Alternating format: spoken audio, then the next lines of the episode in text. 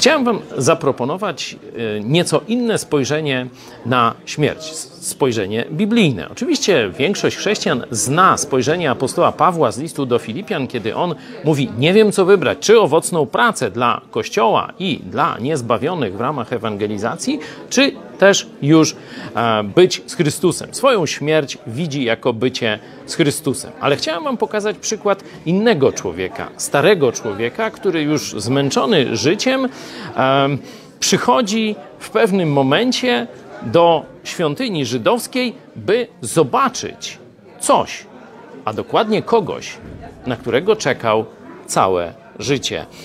I mówi tak: Teraz puszczasz sługę swego, panie, według słowa swego w pokoju. Bóg wcześniej mu obiecał, że on nie umrze, dopóki nie ujrzy Zbawiciela Izraela. Kiedy zobaczył Jezusa, mówi: Teraz puszczasz sługę swego. Zobaczcie, jak on patrzy na śmierć, na swoje zakończenie ziemskiego życia. Mówi: Jest to wyzwolenie. Bóg wypuszcza go do czegoś lepszego. Teraz puszczasz sługę swego, panie, według słowa swego w pokoju, gdyż oczy moje widziały zbawienie Twoje.